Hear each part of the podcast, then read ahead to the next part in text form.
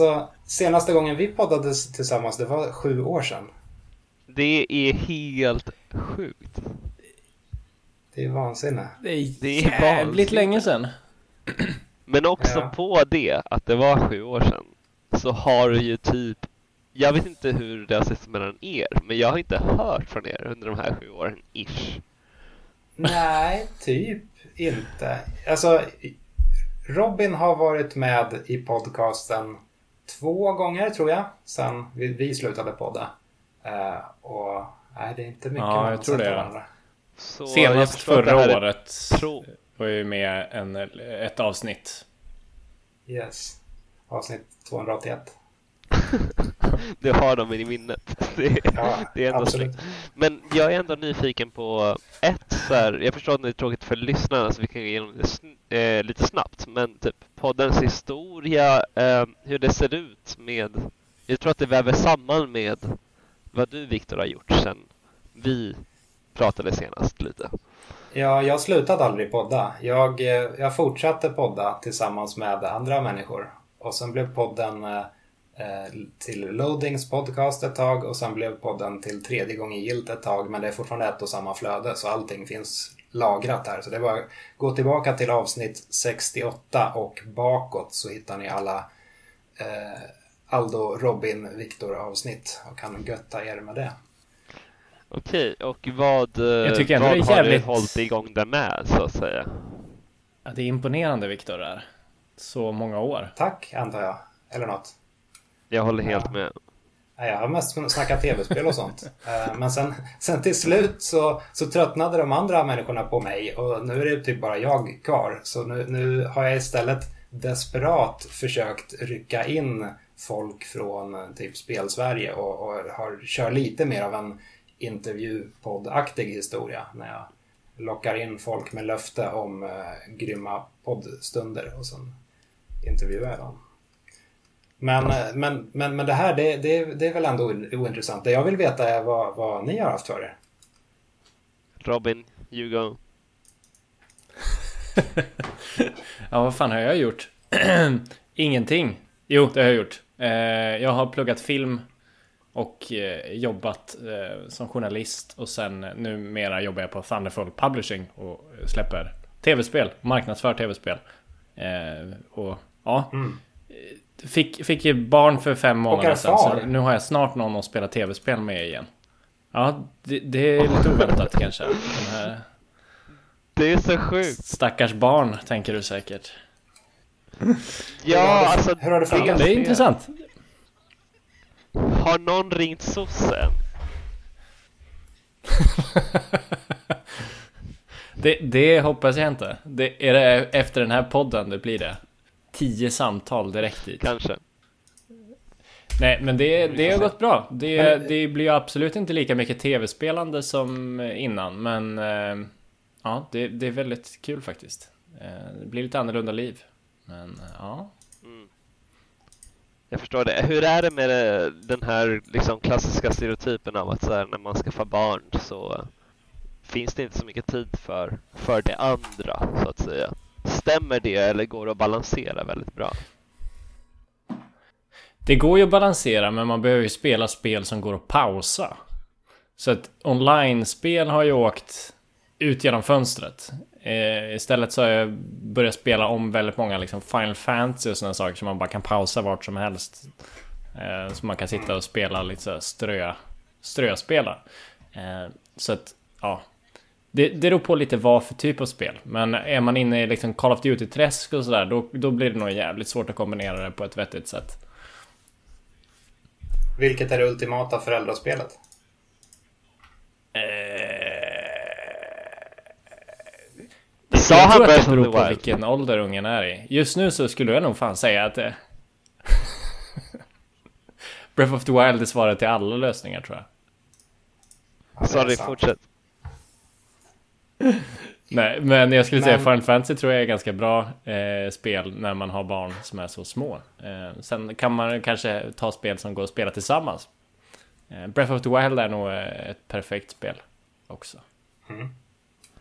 Visst, eh, sorry för att gå lite off, men visst är det lite delay? Bara så att man vet vad man ska förhålla sig till.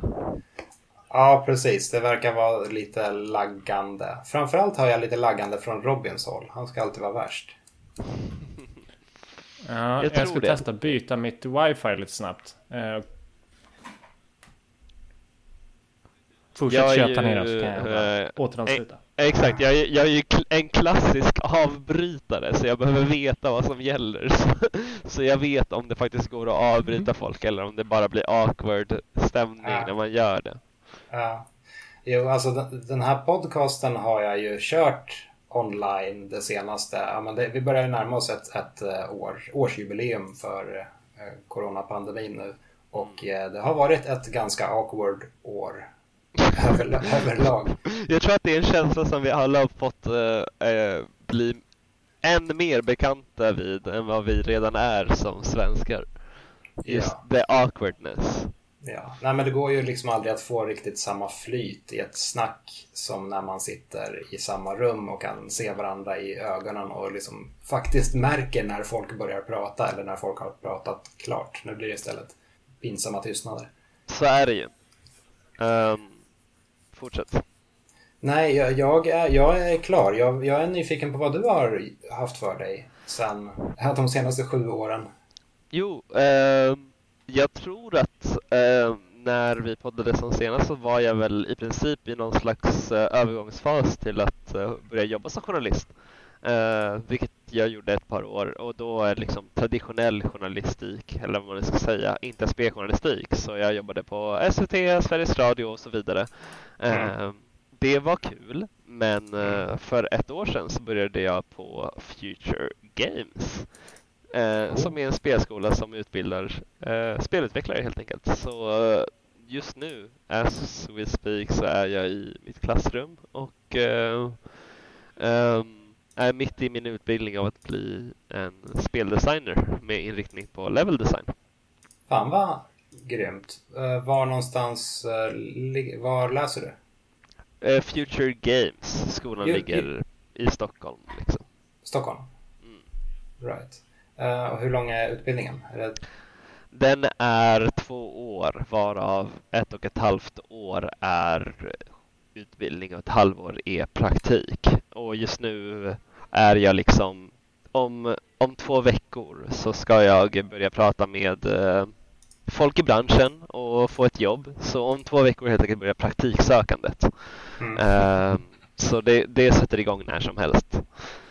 Eh, mm. vilket är svinläskigt och jättespännande. Har du någon, har du någon drömplats att ha praktik på?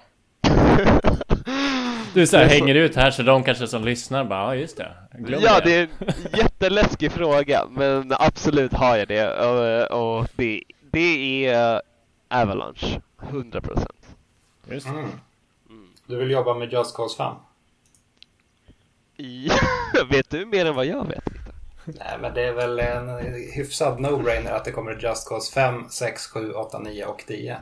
Just jag vet inte. Jag tänker att Sales pratar för sig. Jag har ingen koll på hur just Cast 4 sålde. Har ni det? Nej, inga siffror direkt. Men det hade ju för fan Tornados. Det, det är väl bra? Det är en väldigt bra grej. Ja. Nej, men jag respekterar väldigt mycket Generation Zero och um, Zero Extinction eller vad det heter, dinosauriespelet Second Extinction. Jag tycker det är väldigt coola grejer, så dit vill jag in. Eh, men hur som helst så är det det jag gör. Jag försöker lära mig göra spel från att ha skrivit om spel. Mm. Jag har hört att Hazelight, alltså Josef Fares studio, är duktiga på att plocka upp uh, interns. Om, om jo, det men... kan vara något till, till hjälp på något sätt. Det verkar det vara. Uh, de verkar skitduktiga. Och har ni sett deras spel som de släpper när som helst? Mm, It takes two. Mm. Ja, vilken mm. toppengrej att liksom fokusera på co-op-spelande. Ja, men det ser lite mysigt ut. Måste lyckas locka in Josef Fares i den här podden på något sätt. Du kanske kan hjälpa mig Aldo?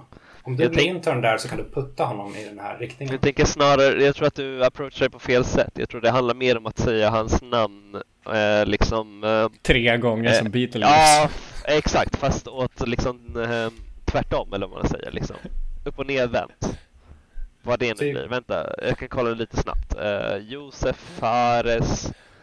Uh, Josef Fares. Det blir liksom Ser, Seraf, Jos, Seraf Kväsars. Du... Jag tänker om du mejlar liksom med titeln är bara Hatar du också Oscarsgalan? Så kommer han säkert bli jättesugen och sitta bara och snacka skit om Oscarsgalan i 55 minuter. Ja, okej. Okay. Ja, men det finns planer i alla fall. Men, men vad, vad är det coolaste du har lärt dig på under spelutbildningen hittills? Som du inte eh. visste om spel tidigare? Wow, det är en jättestor fråga. Väldigt bra fråga också.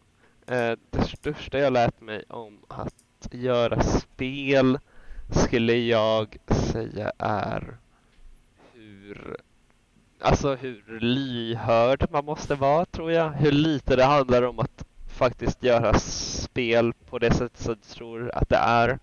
Det handlar väldigt lite om att gå in och göra ett spel. Det handlar väldigt mycket om att bara samarbeta. Det är så mycket samarbete bara. Det, mm. det finns så lite av eh, det finns så lite av duet eller jaget som bara vill komma in och göra ett spel och så mycket av att snälla kan vi bara komma överens och få det här att bli någonting. Ja. Det är väldigt mycket så. Det är ju någonting som jag har tänkt på när man faktiskt jobbar på en spelstudio. Eh, hur, hur extremt svårt det är och vilken respekt man får. Nu jag, jobbar ju inte jag med att faktiskt göra spelen men jag jobbar ju väldigt nära de som gör det. Man får en väldigt stor respekt för att spel ens blir gjorda eh, i någon utsträckning överhuvudtaget och blir bra. För just som du säger, vilket det är ett jävla mirakel ofta att, att det lyckas liksom. Samarbetena funkar. Och tänk de här spelen som är 3, 4, 500 personer som lyckas oh, ta fram något som ändå kan ha liksom ganska höga artistiska eh, värden. Det är ju eh, smått sinnessjukt. Nej men det är helt sjukt. Alltså så här, för jag brukar likna det vid typ, alltså två liknelser. Antingen vid typ att laga mat ihop eller att måla en tavla ihop. Vilket är så här, måla tavlan ihop, en är en person för mycket redan. Och laga mat ihop, då är det ju, ni har ju provat då, alltså så här, jag har ett jättelitet kök. Alltså så här, att vara mer än två i det, det är för många människor. Och att göra spel ihop, alltså det är all, och alla har lika mycket integritet. Så det är, det är jättemånga människor med jättemycket integritet. Alla tycker att, inte att det de gör är det viktigaste, men alla vill sätta sin mark på det liksom. Mm. Uh, så det, det, det är svårt, men det är ja. jättekul också. Jag funderar dock på liksom vad som är svårast. Att göra ett litet, in, eller rättare sagt i vilket slags projekt det är svårast att komma överens. Om det är ett litet indieprojekt eller ett stort AAA-spel. För liksom Visst, i, i indiespelen då behöver man inte förhålla sig till lika många människor. Men då har å andra sidan varje person en starkare röst. Medan ett AAA-spel på 500 pers, där kan jag tänka mig att man är ganska toppstyrd ändå. Att det kommer någon mellanchef och säger åt en så här, du ska rita eh, grå eh, rosa texturer i ett halvår. Det är ditt jobb. Gör det nu. Hur är det hos er på Thunderful? Där? Det är någon slags mellanting skulle jag säga. Vi har ju växt från, för det är ju en sammanslagning egentligen av två små indiebolag från, från början. Som sen har växt på, växt på sig ganska ordentligt. Eh, så nu sitter det ju hur många kan de vara? Eh, 40-50 stycken i varje team egentligen. En på Soink som jobbar med Lost in Random som ska släppas av EA och ett som jobbar på The Gunk eh, som ja, vi kommer släppa det men det är Game, Game Pass Xbox exklusivt. Båda de teamen är väl, tror jag, 40-50 personer ungefär. Um, så det är någon slags mellanting men de har ju växt från att vara typ 10 personer bara för några år sedan. Uh, så de har ju nästan gått från den här liksom, eh, lilla indie-grejen till någonting mer dubbel A aktigt. Och man märker ju att det kanske det har ju liksom växt fram hierarkier på ett sätt som kanske inte fanns tidigare. Eh, säger jag lite så halvt ut, ut, utifrån på det perspektivet. Men det är ju ändå intressant just som du säger det här om man är ett väldigt, väldigt litet indiebolag. Vi jobbar ju med att släppa andra spel och då kan det ju verkligen vara sådana där det är tre, tre, fyra personer som har gjort det. Och där har ju alla jävla vad, vilka åsikter alla har. Och mm. ingen får bestämma någonting över den andras huvud eller sådär. Mm. Så det blir väldigt platt organisation. Men det blir väldigt svårt att jobba med en sån. För det är, det, det är liksom Vem fan ska jag prata med för att få någonting gjort? Eh, alla måste komma fram till samma slutsats egentligen. Så okay. det finns väl för och nackdelar med båda kan jag, jag tänka mig. tänka mig det. Men Viktor, eh, jag, förlåt för att jag är out of the loop. Men jag vet ju att uh, Levelgänget höll på med något indiespel som... Ja, precis. Uh, Lite på hela det här temat då. Sen, sen vi poddades vid för sju år sedan, år 2014, så, så har vi släppt ja, vad ska man säga, ett halvt spel. Första halvan av ett spel som heter 1980X som finns på eh, PS4, Switch och PC för tillfället. Eh, och det var framför allt eh, Tobias Bjarneby, eh, Daniel Givorov, Daniel R och jag som liksom hade någon slags idé om det. Så där, där var vi fyra grundpersoner. Eh, och eh, ja, som, som sagt, i, i och med att vi då var ett väldigt lit, en väldigt liten grupp så det blir ett knepigt projekt på så sätt för att alla ska komma till tals och, och sådär. Och vi var ändå okay. hyfsat i synk med varandra men ändå så här att spika allting. Det, det, det tar mm. tid och det blir Såklart. många möten när man bara sitter och ja, Hade ni tydliga roller? Ja, det, det, blev ju mer och mer så under mm. spelets gång. Vårt spel är uppdelat i fem stycken mindre arkadspel Eh, ett shoot em up, ett beat em up, ett ninjaspel, ett racingspel och ett, en, en dungeon crawler-ish. Eh, och ja, till exempel i mitt fall så pysslade jag mest med shoot em upet och ninjaspelet. Och Daniel R pysslade mest med beat em upet och eh, dungeon crawlern. Men, Tobias gjorde mycket racing. Förlåt att jag går som, uh, in som nörd här, men blev ni alla programmerare för er egna del då? Eller hur löste ni den biten? Nej, vi blev, ingen av oss blev programmerare. Utan vi hade en, en utomstående programmerare. Eh, en duktig kille som heter Johan. Eh, som liksom fixade grundkoden i, i Unity åt oss. Eh, Spelade right. i Unity. Mm. Och sen har vi ju, ja, vi har ju suttit och pysslat och fullöst och gjort saker i Unity men inte skrivit den faktiska koden. Mm. Jag måste bara säga att jag tycker det är toppens spel. Jag tycker det är jättemysigt att vara i den världen och ni har verkligen lyckats skapa mycket med väldigt lite. Vilket jag tycker är helt rätt, att man ska spela på sina styrkor som utvecklare. Ja, då får vi hoppas att vi lyckas skapa lite till innan året är slut. För det, det är planen i alla fall. uh, låter som en hint. Mm -hmm. Stora ja, avslöjandet. Nej, det är väl hyfsat eh, känt. Eller det tror jag i alla fall. Att eh, ja. vi siktar på att släppa nästa, liksom, liksom den avslutande delen eh, innan året är slut. Mm. Cool. Men, men mm. samtidigt, någonting man tyvärr inser av att göra ett spel, även om jag bara har erfarenhet av ett halvt spelprojekt, eller vad man nu ska kalla det, det är att saker och ting tar mycket mer tid än vad man tror och saker kostar mer pengar än vad man tror. Mm. Ja, man, inser, man... man inser att de här World of Warcraft-goblinsarna hade rätt hela tiden. Time is money friend. Faktiskt. Men sen, sen alltså om man hamnar på ett större, alltså om du till exempel hamnar på Avalanche så Avalanche har ju släppt massor med spel så deras organisation är nog lite mer slimmad och erfaren än vad vår organisation är. Mm. Ja, man får så mycket respekt för alla roller och hur mycket så här, sure, det är väldigt lätt att komma in som en spelutvecklare eller flera att, och vara taggad på att göra spel. Men projektledare, producenter, allting mm. som har med att slimma en organisation, att faktiskt inse att så här, din passion är jätteviktig men vi behöver också någon som styr den passionen. Alla, alla de aspekterna som man inte tänker på är så viktiga i att skapa ett spel. Mm. Mm, verkligen. Men jag... Viktor, får jag bara... Oh, förlåt, fortsätt. Nej, jag tänkte bara fråga. Vi är ju tre före detta speljournalister där egentligen som alla tre, på något sätt... Tre före dettingar. Ja, det var exakt dit jag var på väg. Ja, som har gått över till spel liksom. Vad...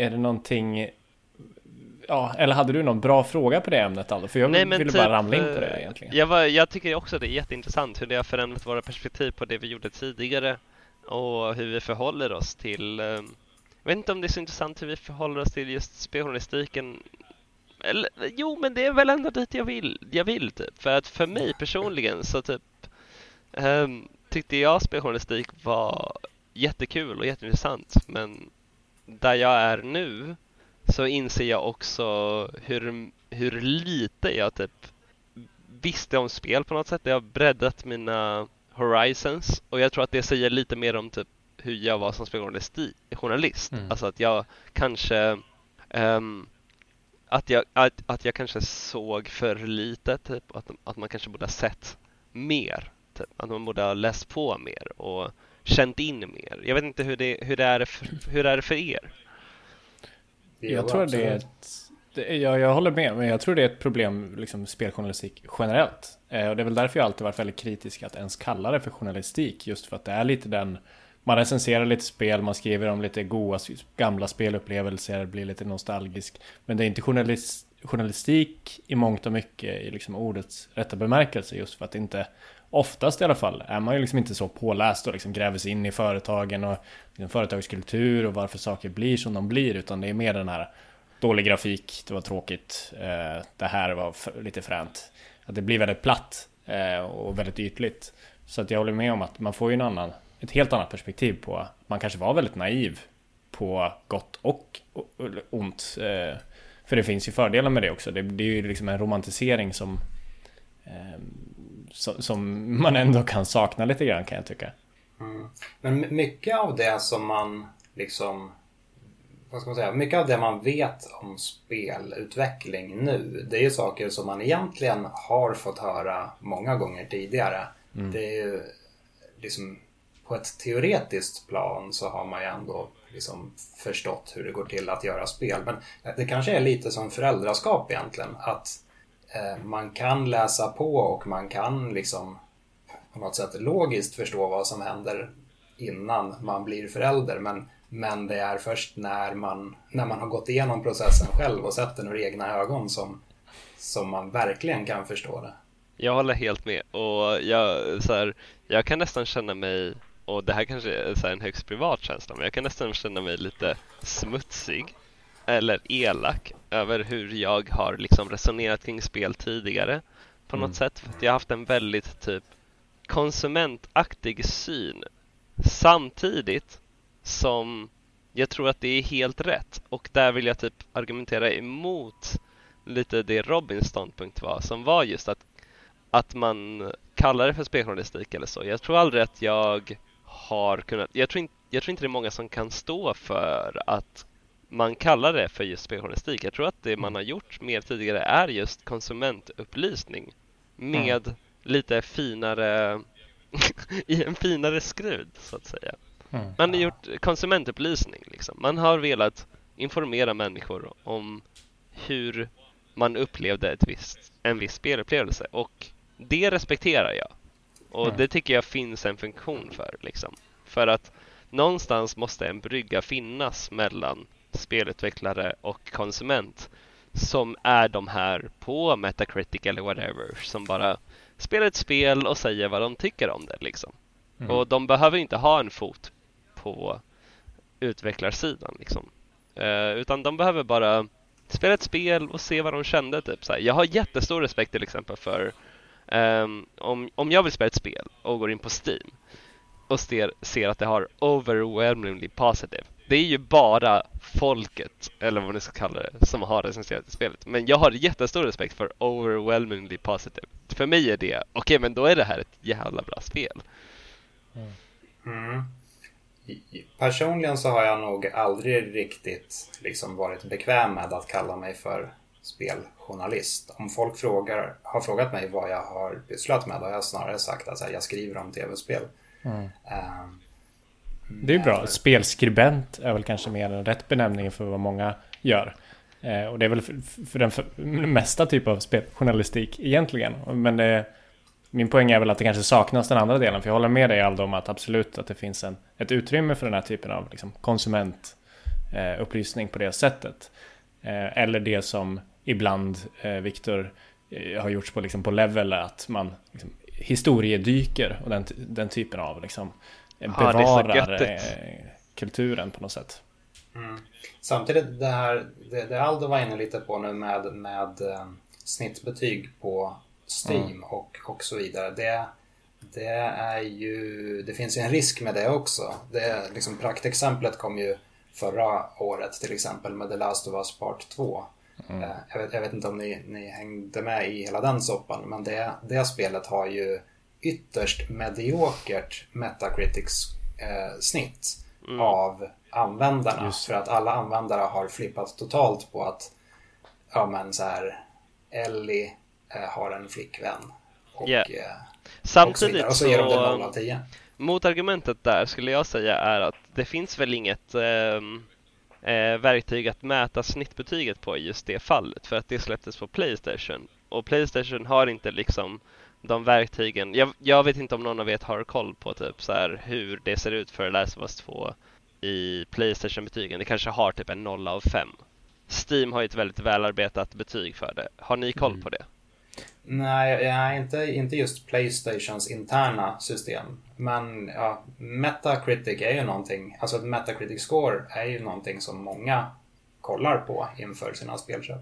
Det är sant. Men där är, ja jo, det är sant. Jag personligen just går aldrig in på user scores på Metacritic för där känns det som att förlåt, men om du aktivt går in och skapar ett Metacritic-konto och skriver ett användarrecension, då är det lite Redan där är det lite sketchy i mina ögon. Typ. Men säg inte det här mer om just Metacritic kanske? Att de borde se över, ha lite liksom koll på vad som sker i deras user eh, review-del egentligen. Jo, kanske, men det är ju intressant för att jag tycker att det har funkat väldigt bra hos Steam. Men just med, mm. alltså, jag tror att det är den här barriären, du vet, alla har ett Steam-konto alla har inte ett Metacritic-konto.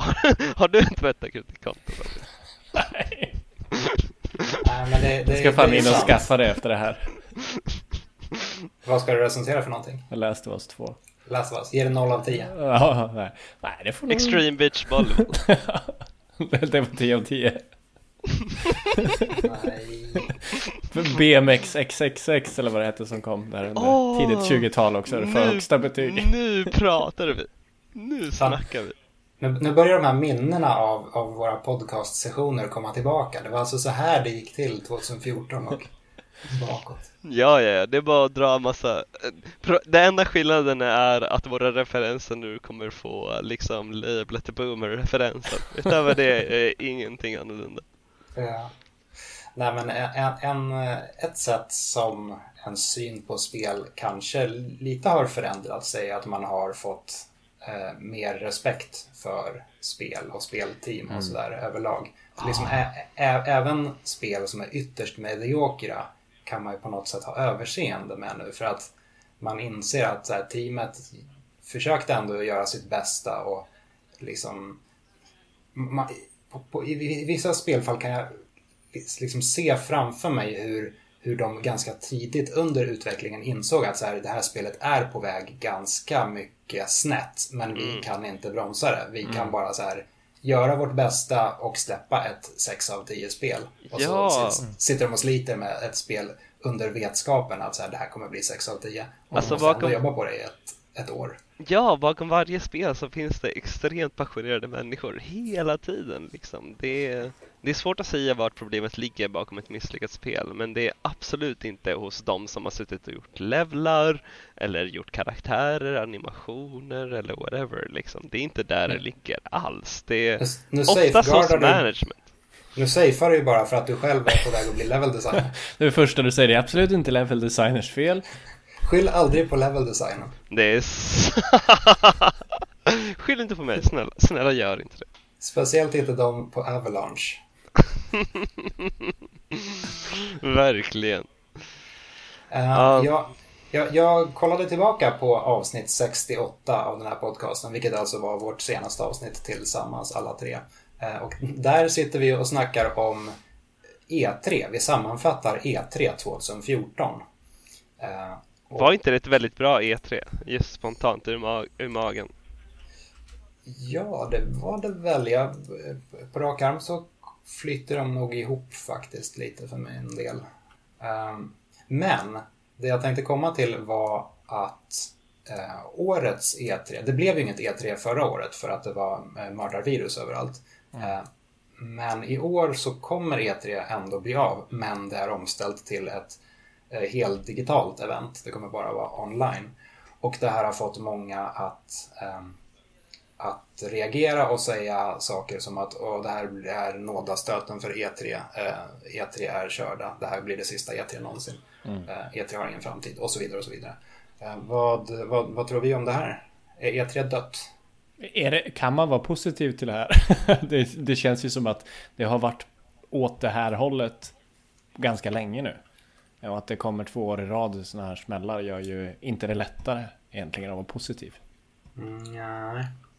Jag tänker samtidigt så var det ju, det var ju under, det var väl just två år som E3 skalades ner rätt rejält och hölls i mm. Santa Monica istället. Eh, och sen eh, återföddes det ändå.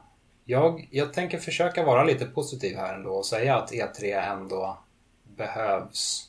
Eh, inte minst efter en, en sån här pandemi för att alla är så jävla svältfödda på, på mänsklig kontakt överlag. Och, och liksom spelbranschen i sig, vi, vi är ju ganska... Vi tycker ju om att träffas eller det är den uppfattning jag har fått i alla fall. Så här, spelbranschen förlåt, gillar Förlåt att Viktor, men vad, vad har E3 med att träffas att göra? Alltså för en vanlig konsument. Viktor, hurru, hurru, hurru, hurru. Han vill ju bara träffa vilken... sina spelpolare. Ja, jag ja. vet inte vilken målgruppen är för din podcast här som jag gästar. Men det är jag, jag osäker in... på själv faktiskt.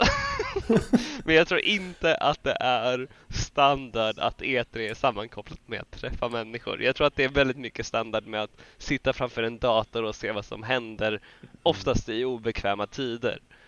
Jag tror också det att just e det finns ju andra mässor som uppfyller just den formen. Liksom PAX och eh, eh, vad heter det? Den i Tyskland. Eh, Gamescom. Gamescom är här i Europa på ett sätt som inte E3 gör. E3 har ju alltid varit mycket mer branschkopplat även om man som konsument vissa år har, har kunnat komma in där. Det, det, det är väl snarare som Aldo säger, tror jag också, att det har varit den här man nästan man firar liksom spelvärlden på något sätt under ett par dagar. Men vad fan skojar ni? Det, det, det är jättepositivt. Alltså så här, om E3 försvinner, alltså om E3 försvinner, då är det tyvärr bara alltså cause and effect och mm, vad heter det? Uh, supply and, uh, för att citera Trailer Park Boys, supply and command. Uh, det är bara positivt för att de behövs inte längre. Typ. Men då försvinner alltså, ju också den här liksom firarveckan man har haft på något sätt, tror du inte det? Jo, absolut. Högtidligheten försvinner. Det är ju inte lika kul att typ få en Nintendo Direct Announcement en vecka innan den händer. Mm. Det är lite sad.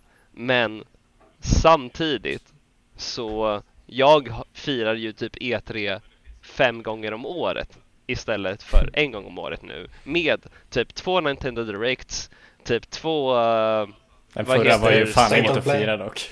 Nej, alltså de är skit oftast. De är skit. Men, men alltså Nintendos E3 har ju inte varit toppen på, på länge heller. Men Uh, alltså vi har dem, vi har uh, Sonys, uh, vad heter de? State of Play. State of Play. Mm. Fan vad den sög senast. Herregud, mm. det är en annan diskussion. Men fan vad den sög.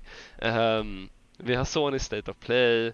Um, jag vet inte, jag, jag, är väldigt för att aktörerna får styra själva. För att då känns det som att jag får mini-E3s flera gånger om året. Mm. Ja, men vi, vi, har ju alla tre varit på E3 eh, tidigare. Och det, det jag försökte formulera på något sätt var lite att så här, är det inte ganska nice att kunna träffa sina kollegor och så här spelbranschmänniskor och gröta runt lite med dem i verkligheten. I, I den här elitklubben liksom. Viktor, jag tror inte det är så många som har varit på E3 under hela sina liv. Ja, men okej, okay, E3, Gamescom, Tokyo Game Show, you name it, uh, Comic Con. Uh, jag tror inte listan blev mycket Jag tror inte listan blev mycket större när du sa det där. Jag kommer roast, förlåt, jag kommer roasta dig för att du fortsätter.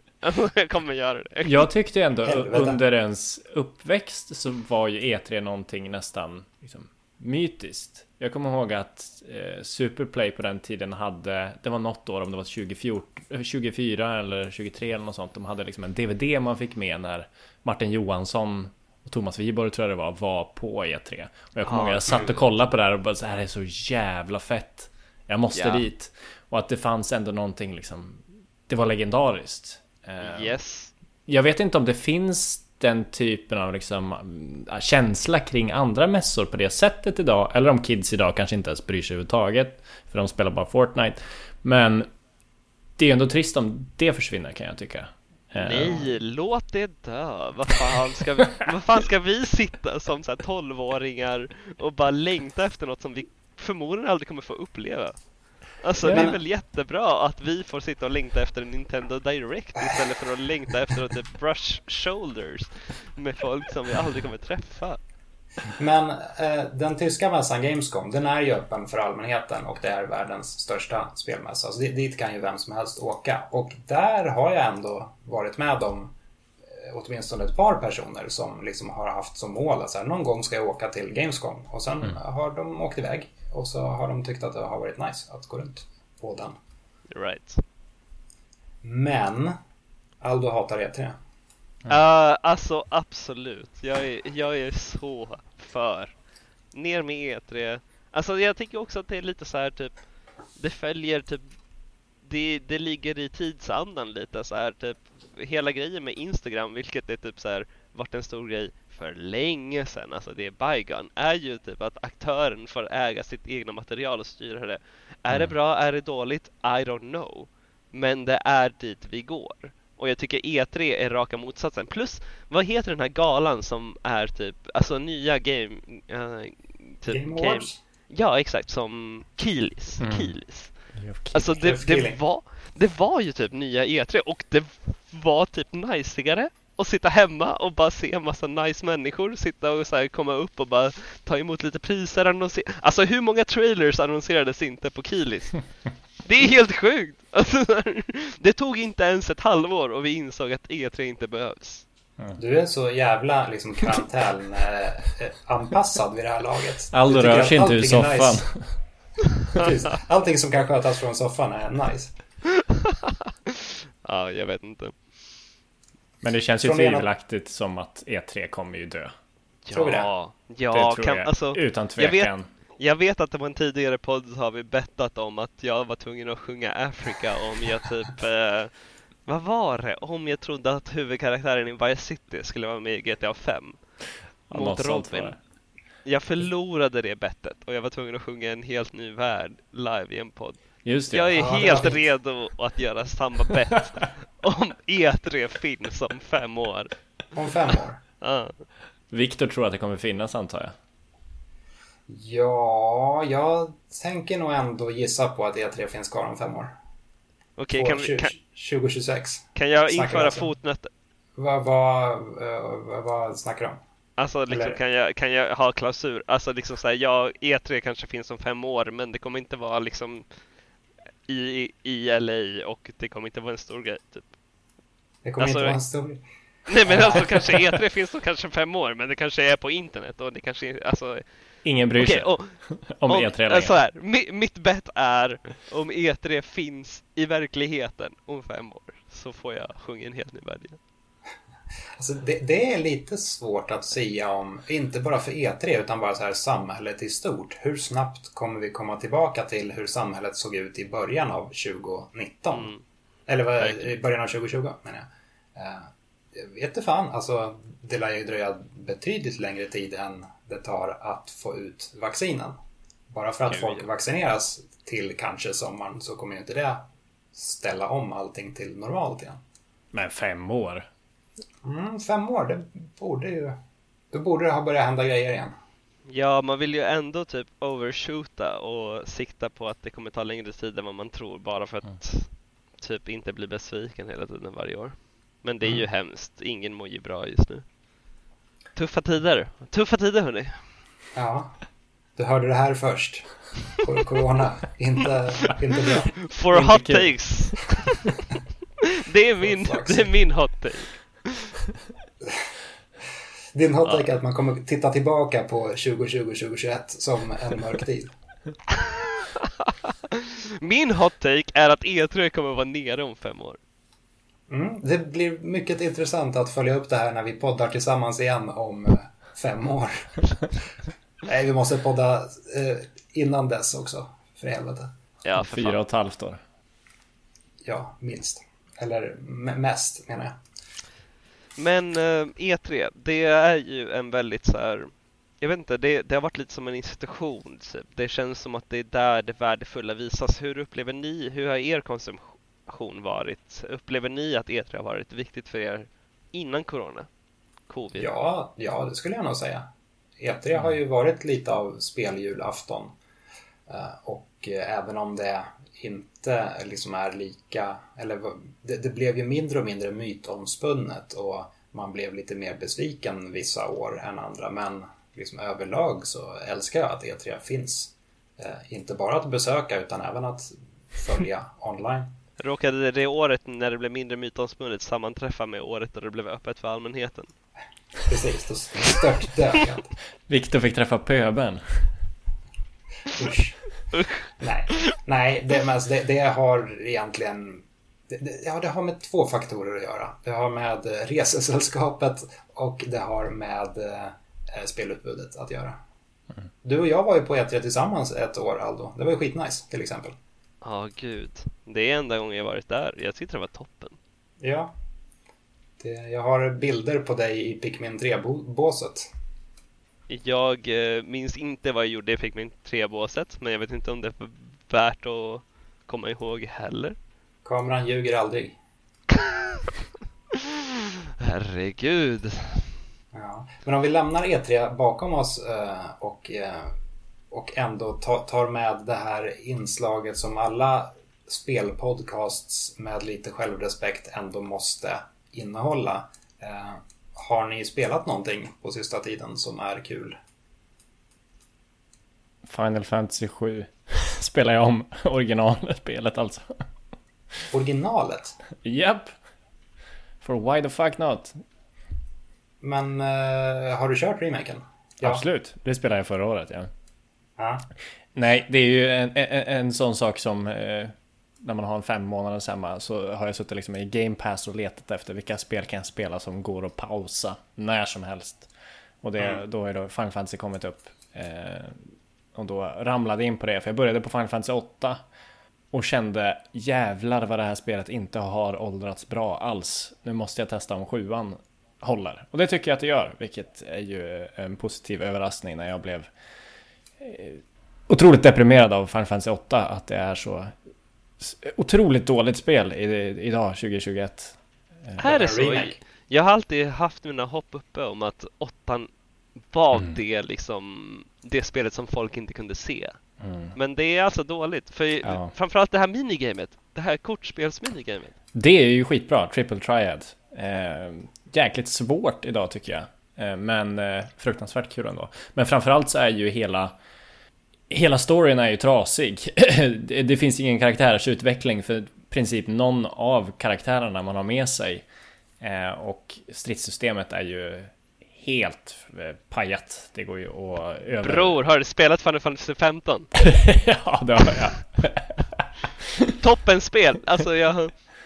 Det, det, jag spelade klart det i helgen. Um, det är nog det absolut sämsta, bästa spelet jag spelat. Jag kunde inte ja, men... spela det, men det är inte bra. Men jag älskar det. Visst, visst blir man, det, och det, jag håller helt med. Man är så extremt förvirrad av Final Fantasy 15. Mm. Och, det, och det fortsätter verkligen hela vägen in i mål. Liksom mm. in i det absolut sista, den absolut sista scenen tycker jag är så här fruktansvärt cheesy och jag sitter och skäms lite. Samtidigt som jag tycker att Fan vad bra det här är. Ja, det var värt det. Det var värt det. Var det någon som förstod handlingen?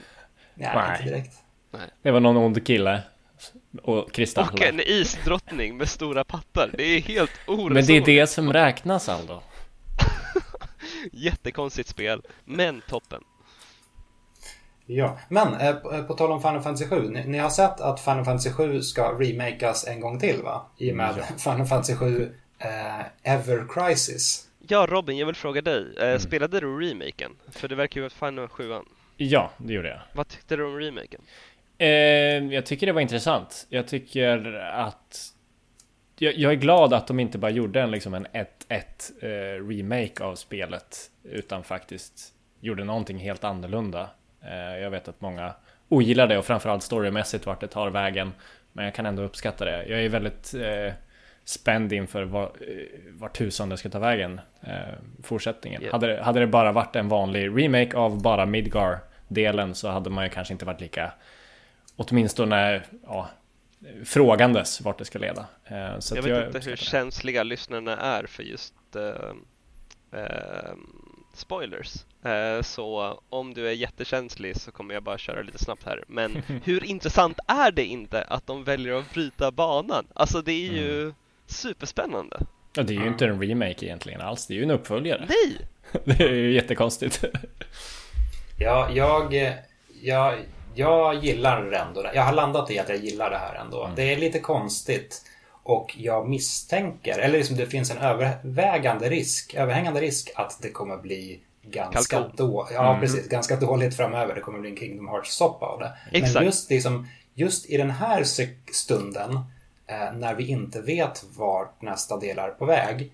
Mm. Jag, jag, älskar att befinna mig i den här stunden på samma sätt som jag älskar att sitta och kolla på så här fan-teorier om vad som kommer hända i det sista WandaVision-avsnittet. Ja. Eller så här Game of Thrones-analyserna. Ja. Eller eh, vad som skulle hända i Avengers Endgame innan den släpptes. Det, det, det, är härligt att vara en del av så här ett, en nördgrupp som gissar och inte vet mm. men försöker, försöker läsa på om vad, de, var man är på väg. De lyckades ja. ju skapa osäkerhet kring vad som skulle hända, vilket är ju ganska fantastiskt. Ja. Att när, kring Final Fantasy 7? Ja, alltså... det spelar folk typ kan liksom mest om.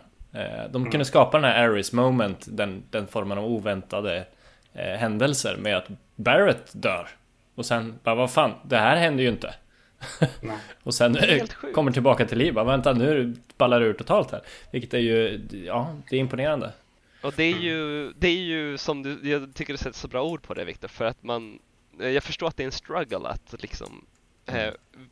förstå om det här är rimligt eller orimligt, för att det är, vi har ju, om jag förstått det rätt, att göra med Kingdom Hearts eh, kreatören att göra. Yes. Eh, stämmer det? Tetsuya ja, och, Nomura.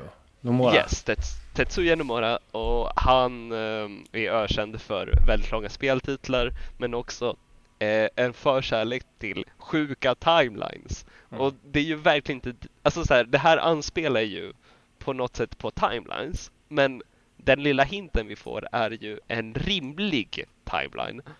Och man lever på det hoppet av att så här, okej, okay, det här är spännande, det här är intressant.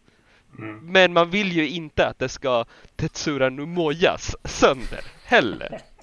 Eller hur? Man vill ju att det ska hållas på en sofistikerad nivå. Det kan ja. du nog glömma tror jag. Ja, jag misstänker att när dammet har lagt sig, vi sitter här med den färdiga Final Fantasy 7 remaken i x antal delar, så kommer det vara en salig röra.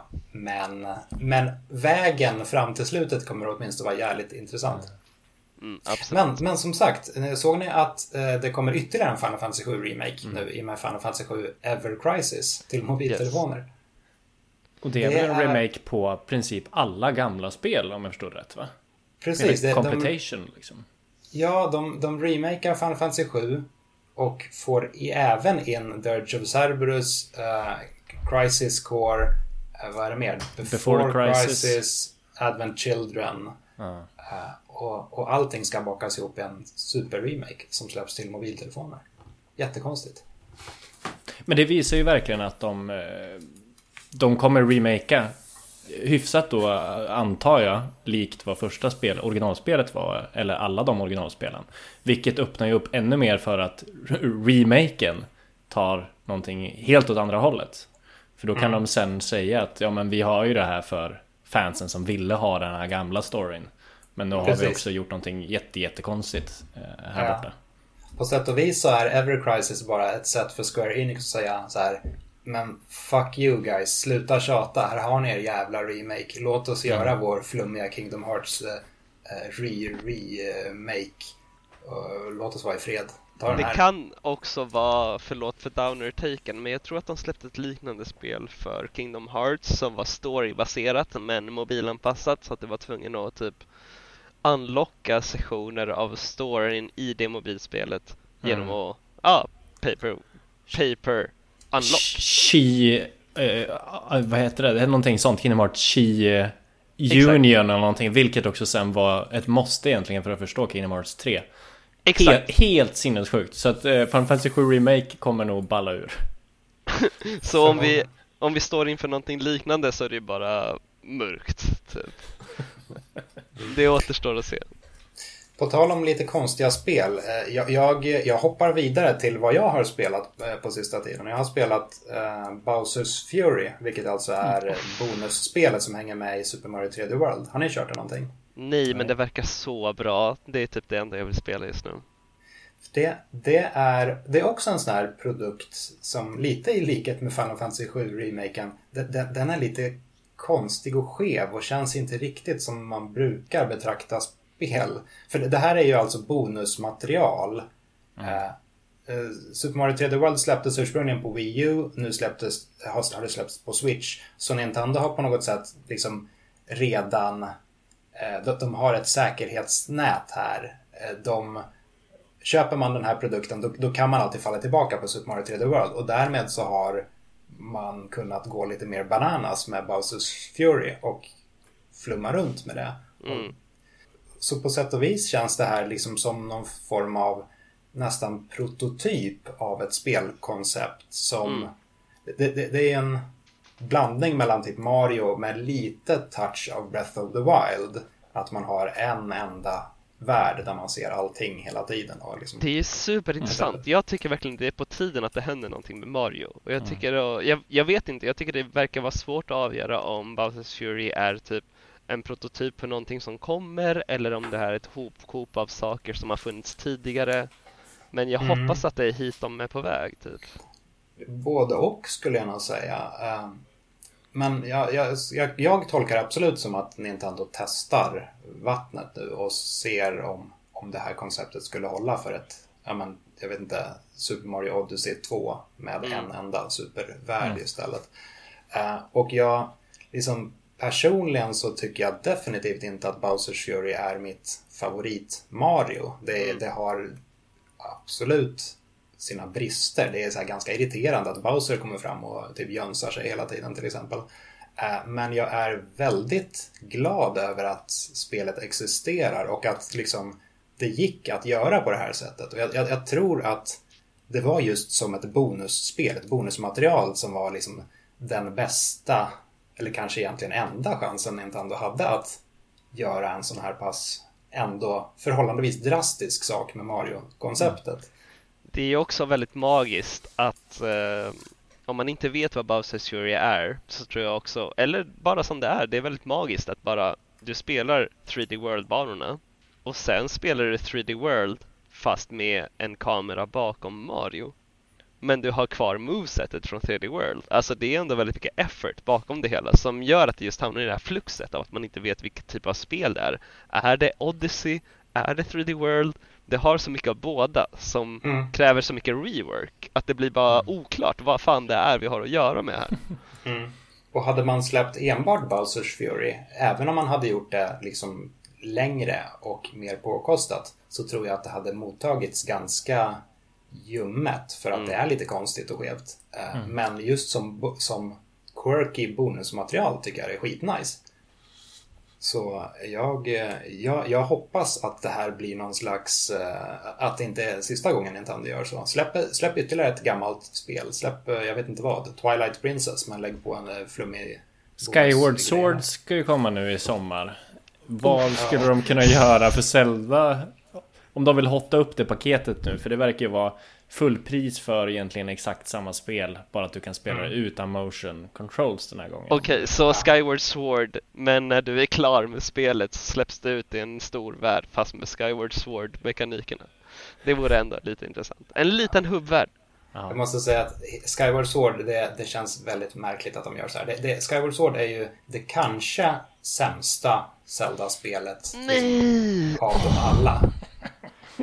Nej! Och och eh, att enbart släppa det här när man, när man har Wind Waker och Twilight Princess mm. i HD-varianter. Det de borde ha gjort var ju så här, släpp en stor jävla så här The Triforce Collection med mm. Skyward Sword, eh, Twilight Princess och Wind Waker. Eh, Problemet och är ju... Zeldas 35-årsdag. Kommer inte du köpa det här då? Det är väl det som är problemet. Jag sitter ju och blir förbannad på Nintendo. Men likt förbannad så kommer jag ju köpa det. För att jag vill spela ett nytt Zelda. Eller nytt, ett gammalt Zelda fast igen. Så att Victor, vad gav... De vet ja, hur, hur jävla Zelda-kåta vi är. Ja, exakt. Vad gav level Skyward Sword i betyg? Uh, var det en 10? Var det en 9? Jag tror att det var 9. Jag tar inget som helst ansvar för det. Jag tror att det var Per Willner som recenserade det. Jag står fast vid att Skyward Sword är, liksom, om man bortser från så här CDI-Zelda och sånt. Zelda 2 då? Så, personligen så spelar jag faktiskt hellre Zelda 2 än Skyward Sword. Men, men, Jesus uh, Christ. Skyward Sword... Zelda 2 räknar jag in i den lilla, lilla, lite konstiga kategorin som man inte riktigt räknar. Men okej, okay, om, vi, om vi begränsar oss ner så här då. Eh, Skyward Sword är det sämsta 3D Zelda-spelet. Mm. Vänta. Vänta, vänta.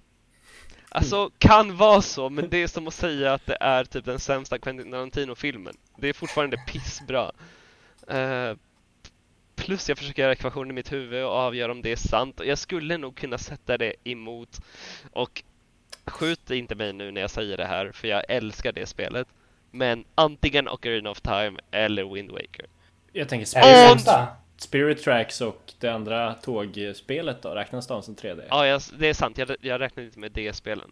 Det är klart de... Eh, um, um, det, de, det de är ju sämre. Ju över, ja, det vinner ju objektivt över dem. Ja, fast de är samtidigt på så här icke optimal hårdvara. Skyward Sword gjordes ju verkligen för Nintendos så här, främsta hårdvara för sin tid, Wii. Min, min, min beef med Skyward Sword är att det är så otroligt enformigt. Man, man har ju tre miljöer va? Och så återkommer man mm. till dem. Är det fyra varv eller någonting sånt där man återkommer till dem? För varje har någon lite omgjord variant och sen har varje dessutom någon form av Twilight-variant eller vad det nu är. Men bror, du får flyga runt på en fågel. Du får uppleva liksom en helt annan del av Hyrule som du inte fått uppleva annars. Det är fantastiskt. 10 av 10. Flyga. Flyga med fågel, 10 av 10. Skulle spela igen. Men flyga med fågel, det gjorde vi i A Link to the Past. Det var bara att spela flöjten så kom det en liten anka och flög. Vi behöver lite mer än pixlar just nu. Times have changed. Nej men jag fattar vad du menar. Det är ett, det är ett weird... Jag, jag är lite djävulens advokat. Det är ju jag spelade faktiskt uh, Ocarina of Time remaken till 3DS för inte så länge sedan. Uh, fan vad de spelen håller. Det är helt sjukt. Men vad Bra kan de lägga in här då? I, I det här paketet för att... Blir det crossbow training eller?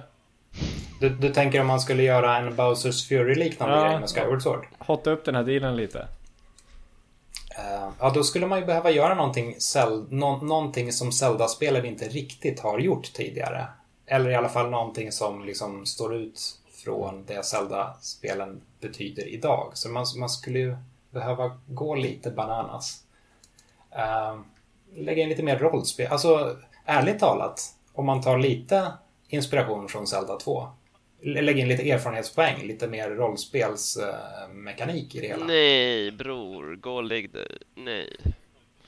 Nej, det var ju för mycket, det var ju för mycket med liksom inventory systemet. Skulle vi klara av ett experience system? Alltså...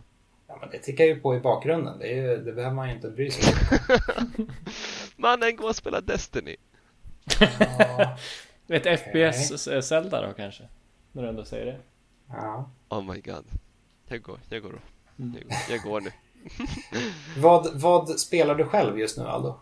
Uh, jag uh, spelar ett Yakuza-spel för första gången i hela mitt liv. Like a Är Dragon. Like a Dragon? Mm. Vad helt, tycker du? Helt konstig upplevelse. Uh, jag står ju ut med anime cringe.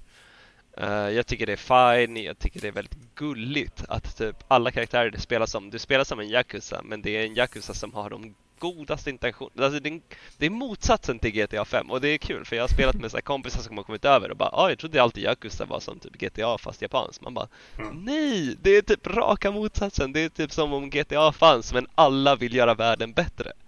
Mm. Uh, vilket är, det för mig funkar det för jag är van vid så här, anime cringe och jag kan stå ut med typ att så okej okay, men du spelar som en Yakuza som eh, bara vill typ folks bästa och alla må, alla är lite så här, har en liten dark story, citationstecken. Men deras dark story går ut på att de, deras character arc går ut på att de typ har gjort någonting fel och vill göra bättre och sen kommer få rätt, rättvisa medan kanske GTA är att du står och typ torterar någon med så här, eh, tasers mot deras eh, nipples. Um, jag tycker mm. det är kul, men jag förstår att det inte är upp, eh, jag förstår att det inte är up everyone's alley, om du förstår vad jag menar. Mm. Har ni jag... spelat några Yakuza-spel? Ja, jag har kört lite här och var. Jag har bland annat börjat på Like a Dragon men av någon anledning har jag inte fortsatt. Jag borde, jag borde köra vidare för jag, jag tror att jag skulle uppskatta det. Mm. Men eh, Like a Dragon är ju eh, ett Yakuza-spel som har ändrat i själva stridssystemet också. Det har ju rollspelsaktiga strider, på tal om erfarenhetspoäng. Right. Det är väldigt basic uh, turn-based. Uh, jag tycker inte det bidrar jättemycket till min spelupplevelse förutom att jag inte skulle stå ut med att det är en brawler. För jag, om det är något jag inte gillar så är det halvdana brawler. Jag sätter typ brawlers mot Platinum Games standard. Så jag tycker det är jättebra att de har valt att gå ner till uh, generic turn-based. Men det, alltså Yakuzas charm ligger inte i stridssystemet i Like a Dragon utan det ligger fortfarande i det här quirky, typ att jag går på stan och typ jag har en pocketdex fast det går ut på att samla uh, alla pervon jag möter på stan och måste bråka mot och det är min pocketdex som jag rapporterar. Och det är den här konstiga japanska humorn jag inte förstår mig på men som är jätterolig. Mm. Hur, hur identifierar man ett pervo? Tydligen så har de typ, antingen har de typ, eh, de, de klädda i en, i en uh, säck, alltså i en, en plastpåse som en stor säck typ så här. Och så, eller så har de en eh, rock, det klassiska pervot och så slår, slår de flashar dig liksom och det är typ, alltså det är typ Pokémon-systemet men uh, lower accuracy är att de flashar för det typ. Det är ändå gött så man kan lära sig något att ha användning av i riktiga livet sen. Ja, du borde introducera ditt barn för Yakuza Like a Dragon. Jag tror det finns mycket att lära sig där. Jag har ju aldrig spelat något Yakuza-spel. Man... För att vara liksom en boomer-jämförelse. Är det, är det mer som Shenmue än GTA? 100 procent. Mm. Vad tyst du blev. Det var ett klart statement. Det, ja, det, det, var, det, jag, nej men jag tycker du satte det bra. Jag, för jag tänkte den tanken. Det här är Shenmue typ. Ja, en modern Shenmue. Shenmue 3 kom ju, men var det någon som spelade? Antagligen inte. Men Viktor, jag tror att jag sett det rätt mycket på Playstation där online och spelar det här som uh, var... Jag vet inte vad det heter, men det var Yakuza fast det spelas som polisen. Ja, Sleeping det. Dogs, uh, eller? Nej, uh, Judgment.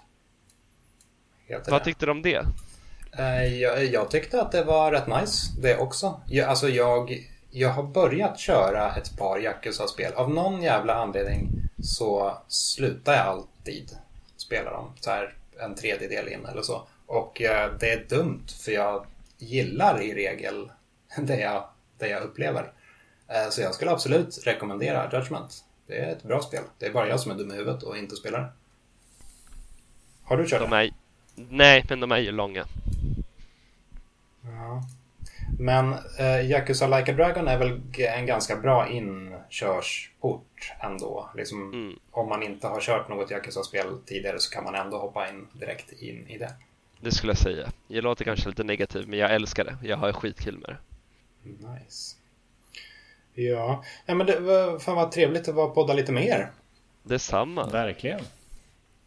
Ja. Det får vi göra vi ska... oftare än var sjunde år. Ja, om vi ska vänta till år 2028 härnäst så det känns ju orimligt. Hur kommer 2028 se ut ens? Vi får se, men jag har ju lagt ett vad så vi får se hur det blir med det. Mm. Just ja. Uh, 2020, vad sa vi nu? 2026? Exakt. Alright hörni, men det känns som att det är dags att börja avrunda, eller hur? Ja, men det är väl lite så. Um, den här podcasten finns på Instagram på tredje gången podd och jag finns på Twitter på Viktor Andersgårds. Finns ni någonstans? Om man vill spåra upp er? IRL kallas det. Nej, jag finns också på Twitter. Eh, Robin Stjernberg. Utan någon ah. underscore. Wow, nu känner jag mig lite utanför som inte har någon Twitter eller någonting. Men jag finns på uh, gamla klassiska mejlen aldo.sartori.futuregames eller LinkedIn. Wow, så som man business. är nu. I branschen. Och Gameindustry.biz Och inom kort så finns det uh, i eftertexterna till uh, Far Cry, nej inte Far Cry, Just Cause 5. Vi får väl se. Yes, grymt. Alright, men då önskar vi alla en trevlig dag och helg och liv. Det gör vi. Ha det bra. Puss hej!